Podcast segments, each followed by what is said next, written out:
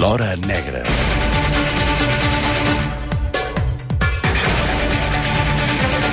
Connectem amb Galícia, concretament, connectem a aquesta hora amb Ràdio Televisió Galícia. Maica Navarro, bon dia, bona hora.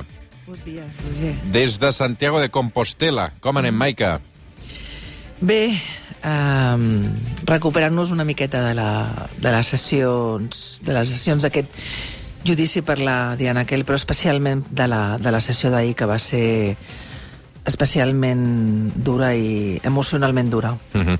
Posem una mica de context, perquè n'havíem parlat també fent la prèvia del que seria un judici que, recordem-nos, va plaçar, um, perquè no va quedar configurat del tot a la primera, el jurat. Uh -huh. uh, Diana Kerr va estar gairebé 500 dies desapareguda, una noia de 18 anys de Madrid desapareguda, els seus pares separats, uh -huh. uh, estiuejant amb la seva mare i la seva germana en aquest eh, poble de la Corunya. Va uh -huh. desaparèixer el 2016, una nit d'agost, uh -huh. eh, sense deixar rastre. I aquesta setmana hem escoltat, com ha declarat, el Chicle, que és eh, precisament eh, la persona que l'havia matat, que qui l'havia assassinat, i el dubte planava amb si realment Diana Kerr havia estat violada o no havia estat violada. El Chicle ha dit això. Le eché la mano derecha y al cuello. Al cuello. Y cuando le eché la mano derecha al cuello, ella se fue hacia atrás. Y la- mi reacción fue echarle la mano izquierda por detrás de la cabeza y sin darme cuenta de la presión que hacía. Cuando reaccioné ya vi que estaba, ¿Estaba qué? que estaba parada, que no se movía. És l'assassí confés de, de la Diana, el Chicle. Sí, això va ser dimarts, va ser el... De fet, dilluns es va dedicar a fer la configuració d'aquest jurat popular. Aquesta vegada, a diferència de dues setmanes abans, no va haver-hi problema. Van estat escollits, són cinc homes i quatre dones, a més de dos suplents, els que estan escoltant doncs, amb molta, molta atenció i, a més a més, prenent nota doncs, totes les explicacions que, van, que es van donant al llarg d'aquestes jornades. La dimarts va arrencar el Chicle, el José Enrique Abuín. Ell va confessar ser l'autor de la mort de, de la Diana Kerr. El que passa és que la seva versió, molt ben defensada per una lletrada molt important a Galícia, que és Maria Fernanda Álvarez, que està fent un paper dificilíssim, ella va explicar que era el paper, el- l'encàrrec més complicat de la seva carrera professional, però creu fermament en el dret, en el dret, en la justícia i prenia aquesta, la, la tasca d'ofici de, de defensar el xicle amb una garra i amb una contundència i amb... és complicat, però ella el que defensa és una versió de que el xicle aquella matinada surt de casa a robar gasoil, com d'altres vegades, que s'acosta a un carrer fosc on estaven estacionats els camions, els vehicles, on dormien els ferians. Era 22 d'agost, festes patronals en la pobra do Caraminyal, i hi havia fira, fira de poble. I els ferians, molts gitanos portuguesos, doncs dormien a les afores en un carrer, el carrer Venècia, que els havia deixat a l'Ajuntament doncs, per descansar. I ell diu que està robant el gasoil, que es torna cap al cotxe quan de sobte troba davant amb una noia que per la foscor confon amb una de les gitanes de la fira, té por de que el vagi a delatar i el que fa és aquesta escena que l'ha descrit de li, amb, la, amb una mà li agafo el coll, amb l'altra li agafo el cap i gairebé en l'aire la- la-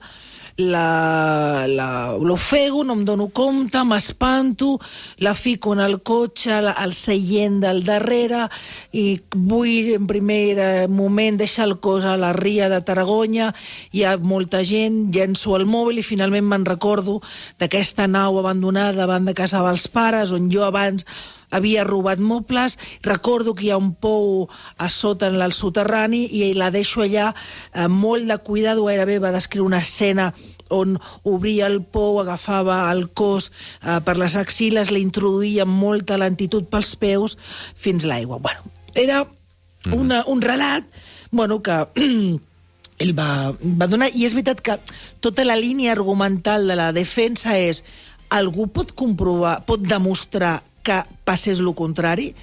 Era difícil de, potser de desmuntar aquesta escena on no hi ha testimonis, no hi ha gravacions, no hi ha càmeres, eh, però jo crec que ahir va ser un dia duríssim, Què va passar ahir, Maica? Per què dius que estàs tan afectada per tot el que va passar ahir? jo crec que ahir ens, tothom va sortir d'aquella sessió amb el cor encongit, tothom, eh, tothom. Ahir al jurat li costava seguir el relat, homes i dones que es posaven les mans al, als ulls per, per evitar que caiguessin les llàgrimes, una, un altre membre del jurat que, que escrivia per no mirar la càmera. Doncs el que va explicar ahir va ser la jornada dedicada um, a, va haver-hi molts testimonis, però va ser fonamental el relat de quatre homes. Van ser dos homes que són bombers, un de salvament marítim i l'altre del grup de rescat de, de bombers de Corunya.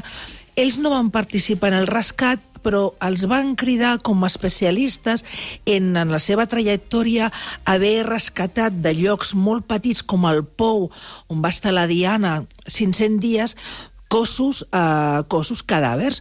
Doncs bé, els dos homes el que van explicar, perquè sí que havien vist les fotografies de com va sortir, la, com van treure la Diana del Pou, unes fotografies que ja hem d'explicar que només han vist els membres del jurat, ningú del públic eh, les van poder veure, i um, el que ells van explicar és que la postura del cos de la, de la jove madrilenya era absolutament anòmala, que la seva trajectòria professional, que estem parlant de gairebé de 30 anys, i en una zona de Galícia on hi ha molts rescats d'embarcacions, etc., mai havien vist un cos amb aquesta postura. Era absolutament anòmal. I això era molt important. Tenia les cames plegades en, en forma de B baixa, tenia no? Les forma, les, tenia les cames rígides, plegades, tot el cos mm, forçadament estirat, eh, amb una rigidesa, i la segona part, molt important, jo crec que, que, que ja, i llavors el que explica el, el bomber de Corunya és que aquesta rigidesa del cos només és compatible perquè és l'última postura que ha tingut la persona segons abans de morir. Després de patir una situació de molt de terror, de molt de pànic, de molt de dolor, però especialment més que de dolor, de pànic i d'angoixa, l'adrenalina que puja és tan bèstia que el cos es queda eh, bueno, rígid en aquesta última postura a la que ha estat forçada. No, val, no, no calia dir molta cosa més, ningú va fer servir cap altra paraula, però tothom va tenir en el cap, eh, va imaginar quina podia ser aquesta postura i per què, i per què aquest context de terror. I ja, per acabar de reunir... Un segon, un segon, Maica. És a dir, tu creus que aquesta postura demostraria que eh, Diana Kerr va ser violada abans d'assassinada? Demostrar eh, la setmana que ve hem de parlar als, als, als forenses. És veritat que aquest, aquest sumari no s'ha difós i molt del que estem escoltant avui és fins i tot desconegut pels periodistes perquè els pares no van mai van prohibir rotundament al seu advocat que, que, que facilités el sumari. De fet, ni tan sols ell ni la mare ho han tingut mai en les mans per evitar qualsevol tentació de, de, de, de donar-la a ningú i, per tant, no, no coneixem l'exactitud del que han pogut fer els diferents forenses però el que sí vam saber el primer dia, durant l'explicació que va fer la defensa, aquesta lletrada, la, la Maria Fernanda Álvarez, és que no es va trobar cap dany. En, recorda que havia passat 500 dies amb dins un pou, és veritat que el cos no estava en mal estat perquè era aigua dolça, aigua molt freda, amb una temperatura, amb unes condicions mediambientals que van permetre conservar molt bé el cos, però no es van trobar ni restes eh, genètics, ni ADN, ni res que confirmés sembla ser aquesta violació. Durant el judici la setmana que ve els forenses parlaran d'altres opcions, com per exemple una teoria que es parla de la casuística, és a dir, buint tenia un patró de comportament eh, que implicava que a la Diana només la va poder raptar amb una única intenció, que és agrair-la sexualment. Perquè si no t'emportes una noia que només porta 20 euros, a, que va sortir de casa amb 20 euros, que no porta cap joia ni res, per robar-la no. És veritat que ell inventa aquesta... Bueno, perdó, que ell explica aquesta tesis de me la trobo, m'espanto i sense voler la mato. Bueno, el que passa és que ahir és veritat que aquesta escenografia que va descriure el bomber, home, sense necessitat de parlar res, aquesta postura doncs indicava moltes coses. I ja, desfet, sí que vam saber que avui n'havia mentit quan vam escoltar la següent testimoni que jo ja va acabar de, jo crec que trencar-nos el, el, el, el cor a tots per molt que Jo t'asseguro, Roger, que he estat en molts judicis i he presenciat moltes descripcions, he vist eh, fotografies, imatges, i vaig tenir una sensació de desolació ahir, uh -huh. i, i, i, bueno, irrepetible i, i, i duríssima. Ni t'explico el pare de la Diana, que el tenia justament al darrere, i que de tant en tant jo tenia la necessitat de tirar la mà enrere i agafar-li la seva mà, perquè la seva filla, la Valèria, l'altra, la germana, va haver un moment que no va poder-ho suportar i va haver de sortir de la sala perquè tot el silenci brutal que havia dins de la sala de vistes, que està plena de gent, molts estudiants de dret, amb aquell silenci només el, el, interrompia la, els plors perquè no podia suportar la, la Valèria. Doncs els següents que parlen són els dos GEAs, els dos submarinistes del Servei de Rescat Aquàtic de, de, la, de la Guàrdia Civil de Corunya. L'Òscar parla des de, des, de, des de la sala, el seu company fa una videoconferència des de Pamplona, però va ser el relat de, de, de l'Òscar. L'Òscar és el... Recordem, eh, la Diana la introdueix a la Boeing dins d'aquest pou, perquè no està de completament despullada i el que fa, a més a més, és eh, li lliga amb un cable elèctric a cada punta, col·loca dos, dos, dos peces de, de... dos totxanes, dos peces d'adobe, vale? i aleshores eren uns 18 quilos. Això es va convertir en un lastre perquè no flotés el cos. Aleshores, li, passa, li dona una volta per la cintura, introdueix les, la, les dos peces, al cos de la Diana, que cau i flota a les, doncs, als centímetres de llargada del cable. El Labuin va fer aquesta descripció de gairebé amb molt de cuidado la fico pels peus. Què ens va explicar ahir el, el bussejador i per això ahir ja es podia dir que per exemple, allà va mentir a la Boeing. El que va explicar és que quan arriben al pou, que és veritat que la tercera versió ell diu on està, que aquest gos de la Guàrdia Civil, el, el Dylan marca eh, el, el lloc on està la Diana, tot i que han passat 500 mm, dies, obren la, la, la, les dues tapes del pou, introdueixen una càmera i es veia perfectament que havia un cos i el cos com estava amb el cap les, les, les cames cap a dalt i el cap a baix.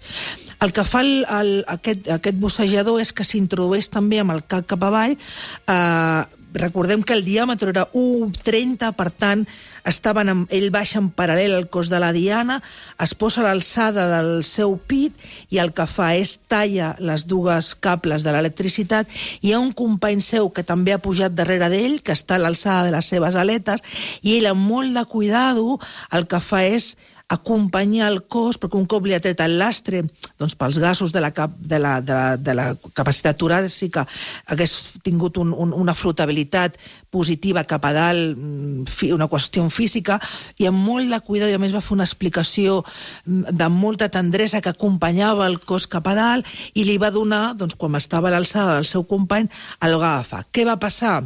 Doncs, bueno, doncs va ser el que va passar un cop ell l'agafa el cos sencer i quan arriba el seu company, doncs no per l'acció dels bussejadors, sinó, mm, i ho explicaran els forenses, però que tothom va entendre que era conseqüència de la brida que anteriorment havia tingut al coll, doncs el, el, es va desmembrar el cos, i el cos es va desmembrar, mm. doncs, per exemple, pel cap.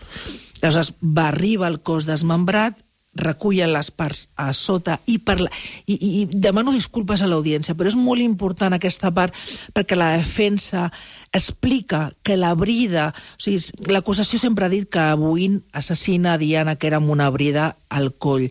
Aquesta brida apareix enredada, a la, tancada però enredada a la seva melena negra. I clar, la defensa és impossible que la fes servir per ofegar-la si la brida estava enredada a la melena. Potser era una brida que ja estava en aquell pou i per això va pujar. Clar, el problema és que a l'estar desmembrat el cos, la brida s'havia quedat enganxada a la melena. Jo crec que no cal explicitar més, sinó que els oients es poden fer una idea uh mhm. -huh. perquè la brida estava tancada però enganxada a la melena. Uh -huh. um, tot això... Un segon, Maica, um, perquè realment, eh, déu nhi l'explicació avui que ens està fent la Maica Navarro des de Santiago de Compostela, seguint aquest judici per l'assassinat de Diana Kerr, uh, un judici on aquesta setmana també hem sentit els pares. Primer la mare. Nosotros estábamos sumamente unidas, teníamos una relación espectacularmente buena y jamás daba un paso sin comunicármelo. Con lo cual yo ya sabía a esa hora de la mañana, a las ocho y media de la mañana, que algo malo había pasado. La mare que explicava això precisament el mateix dia que havia declarat l'assassí, eh, el xicle, i el pare que eh, deia això quan sortia de declarar, detenent els mitjans. Ninguna condena va a devolverle la vida a mi hija. Ninguna condena va a reparar el daño de la familia. Nosotros ya sí estamos condenados a una pena perpetua. Por ello lo que me queda es luchar por el legado de Diana. El legado de Diana es mantener la prisión permanente revisable, una ley necesaria que salvará vidas frente a violadores.